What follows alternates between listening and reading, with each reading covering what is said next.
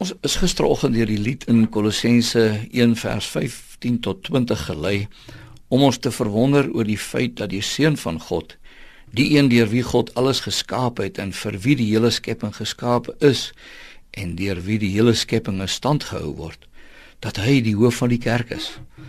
Ons kon ons verwonder oor die eenheid tussen hom en die kerk, een soos hoof en liggaam. Waaroor ons nie gehandel het nie, is dat Christus se hoofskap ook wys op sy gesag. Hy is die hoof van die kerk. Natuurlik het hy gesag oor alles en almal. Die skepping is immers vir hom geskape. Maar sy gesag oor die kerk is anders as die gesag oor ongelowiges en die skepping. Die gelowiges, die kerk, se onderwerping aan Christus is dan ook anders van karakter as wanneer die skepping en ander hulle aan hom onderwerp en moet onderwerp. Ek wil graag uit vers 13 tot 14 wat 'n soort inleiding is tot hierdie lied waaroor ons hierdie week gehandel het vir u enkele dinge uitlig. Ek lees net die vers 13. God het ons uit die mag van die duisternis weggeruk en ons onder die heerskappy van sy seun gestel, sy seun wat hy liefhet. Hoor u? Ons wat tot die liggaam van Christus behoort, is mense wat as ek dit so mag stel, 'n groot verskywing ondergaan het.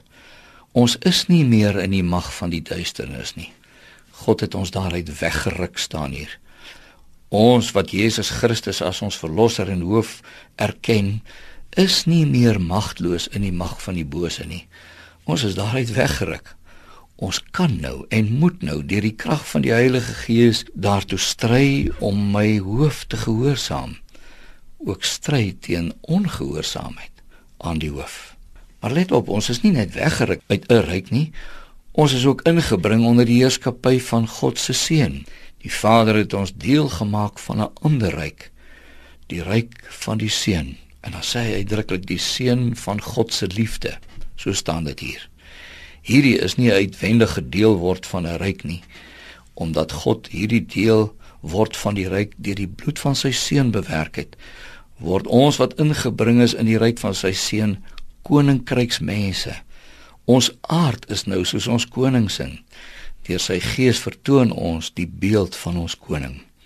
Die feit dat die seun van God se hoofskap van gelowiges van sy kerk ook gehoorsaamheid en onderwerping eis, maak ons nie opstandig nie. Ons onderwerp ons nie aan 'n koning wat ons nie ken nie en wat met mag die burgers van sy ryk uitbuit nie. Die koning het wel mag, alle mag. Hy is die een deur wie God alles geskaap het. Maar hy is ook die een deur wie God ons weggeruk het uit die mag van die duisternis en ingebring het in 'n nuwe ryk. Daarom uit liefde en dankbaarheid onderwerp ons ons aan hom.